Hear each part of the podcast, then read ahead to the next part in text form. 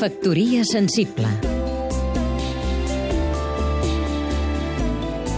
Rafel Vallbona, escriptor i periodista. Primer van ser o bé l'expressió del lleure cultural d'una certa classe benestant de vacances o el paradigma de formes culturals d'avantguarda que creixien amb la revolta política i jove. El que són avui ja és més complicat, doncs el mercantilisme o la necessitat de que vinguin turistes tota hora ha tergiversat el concepte en alguna ocasió fins a l'absurd.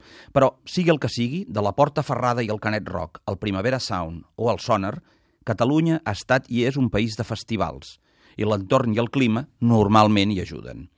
Hi ha festivals de tot, de música, cinema, teatre, literaris...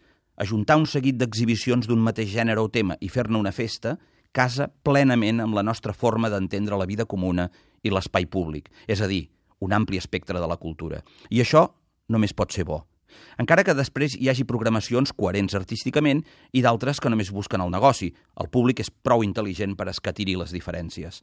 Ara bé, siguin com siguin, i passi el que hi passi, els festivals són una de les marques que defineix culturalment el país – Faríem bé d'oferir-ho al món de forma compacta, com una manera pròpia de viure i entendre l'art i la creativitat.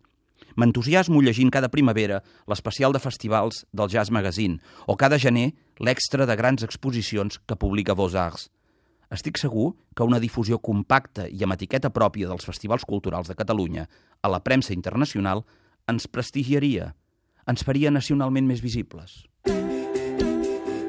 Factoria sensible Seguim-nos també a catradio.cat.